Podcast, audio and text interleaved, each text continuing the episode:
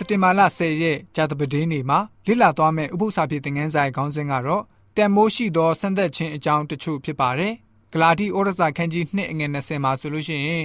ငါသည်ခရစ်တော်နှင့်အတူလဝါကတိုင်မှအသေးခံပြီးသို့တော်လည်းအသက်ရှင်သေး၏ထို့သောဆိုသောငါသည်ကိုယ်တိုင်မရှင်ခရစ်တော်သည်ငါ၌ရှင်တော်မူ၏ကိုခန္ဓာ၌ယခုငါရှင်သောအသက်သည်ဖျားသခင်၏သားတော်ကိုယုံကြည်ခြင်းအပြင်တည်၏ဆိုပြီးတော့ဖော်ပြထားပါတယ်ခရစ်တော်ကိုကျွန်တော်တို့လက်ခံတာနဲ့တေချာတဲ့စက္ကန့်မှု ရှိစမြဲဖြစ်ပါတယ်ကျွန်တော်တို့ဆွန့်လွတ်ရမယ့်အရာတွေတောင်းဆိုထားပါတယ်ယေရှုဟာသူ့ရဲ့နောက်တော်ကိုလိုက်မယ်ဆိုရင်ဆွန့်လွတ်ဖို့အရာတွေကိုပွင့်လင်းစွာဆိုထားပါတယ်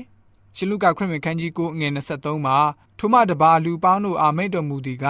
ငါ၌စီကပ်လိုသောသူဖြစ်လင်ကိုကိုကိုညင်းပယ်ရမည်ကိုလဝါကတိုင်ကိုနေတိုင်းထမ်း၍ငါနောက်သို့လိုက်ရမည်ဆိုပြီးတော့မိန့်တော်မူခဲ့တာတွေ့ရပါတယ်လဝါကတိုင်နဲ့တေရချင်းဟာအလွန်မှပင်နာကျင်တဲ့တေချင်းမျိုးဖြစ်ပါတယ် ကျွန်တော်တို့ရဲ့အသက်တာကိုယေရှုခရစ်ထံမှာအနံ့တဲ့အခါမှာလူဟောင်းကအပြစ်ရှိသမျှကိုပူဇော်လိုက်ခြင်းပဲဖြစ်ပါတယ်အလွန်နာကျင်ရပါတယ်ဘဝအသက်တာမှာကျွန်တော်တို့ဆွဲမဲ့နှစ်သက်ခဲ့ရတဲ့အရာတွေကိုစွန့်လွတ်ရတာက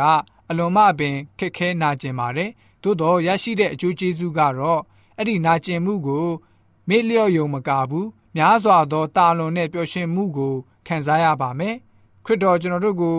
ပြုလုပ်ပေးတော်မူတဲ့အသက်တာပြောင်းလဲခြင်းအတွက် တကူပါတဲ့တသက်ခံမှုမျိုးကိုဖြစ်စေပါတယ်ကျွန်တော်တို့ဆွလွန်လိုက်ရတဲ့အရာကြောင့်မဟုတ်ပါဘူးဆွလွန်ရသမျှအရာအလုံးရဲ့အဓိကအကြောင်းရင်းကတော့ခရစ်တော်ရဲ့ပူဇော်ခံခဲ့တဲ့အတွက်ကြောင့်ဖြစ်ပါတယ်ကျွန်တော်တို့စွန့်စားခဲ့ရတဲ့ပူဇော်ရတဲ့အရာတွေမဟုတ်ပါဘူးခရစ်တော်ဟာကျွန်တော်တို့ကိုဘယ်တော့အခါမှလက်မြောက်အရှုံးပေးတာကိုမစီခိုင်းခဲ့ပါဘူးအတက်နိုင်ဆုံးအကောင်းဆုံးကင်ဆွဲထားဖို့ကိုသာစီခိုင်းတော်မူပါတယ်ခရစ်ယာန်ရဲ့တမိုင်းကြောင်းတစ်လျှောက်မှာခရစ်တော်ရဲ့နာမတော်အတွက် ရဲဝံ့စွာဆက်ကပ်အသေးခံခဲ့တဲ့အကြောင်းများစွာကိုမှတ်တမ်းပြုထားတာတွေတွေ့ရပါတယ်ဒီလိုမျိုးရဲဝံ့စွာဆက်ကပ်အသေးခံခဲ့တဲ့သူတွေအနေနဲ့သူတို့ဟာဆိုလို့ရှိရင်ကဲတင်ချင်းဆိုရရာကိုသူတို့အကျင့်နဲ့ရယူခြင်းမျိုးမဟုတ်ပါဘူးနောက်ပြီးသူတို့ဟာဆိုလို့ရှိရင်ဖျားရှင်ရှိတော်မှာအကျင့်တီလာပြချင်တာမျိုးလည်းမဟုတ်ပါဘူးသူတို့တွေဟာဆိုလို့ရှိရင်ခရစ်တော်ဟာသူတို့အတွက်လှုပ်ဆောင်တော်မူခဲ့တဲ့အတွက်ကြောင့်သူတို့တွေရဲ့ဆန္ဒအလျောက်ဖျားရှင်အတွက်စက္ကကြခြင်းပဲဖြစ်ပါတယ်။ ရှင်အခရစ်ဝင်ခန်းကြီး1ငယ်7ရှင်အခရစ်ဝင်ခန်းကြီး30ငယ်30ရှင်အခရစ်ဝင်ခန်းကြီး14ငယ်29ကိုဖတ်ပါမယ်။ပြီးတော့ကိုရိန္သုဩရစာပထမဆောင်ခန်းကြီး1ငယ်30ကိုလည်းဖတ်ပါမယ်။ထိုသူကိုလက်ခံသမျှသောသူဒီဟုသောကိုတော်ကိုယုံကြည်သောသူတို့အားဖျားသခင်၏သားဖြစ်ရသောခွင့်ကိုပေးတော်မူ၏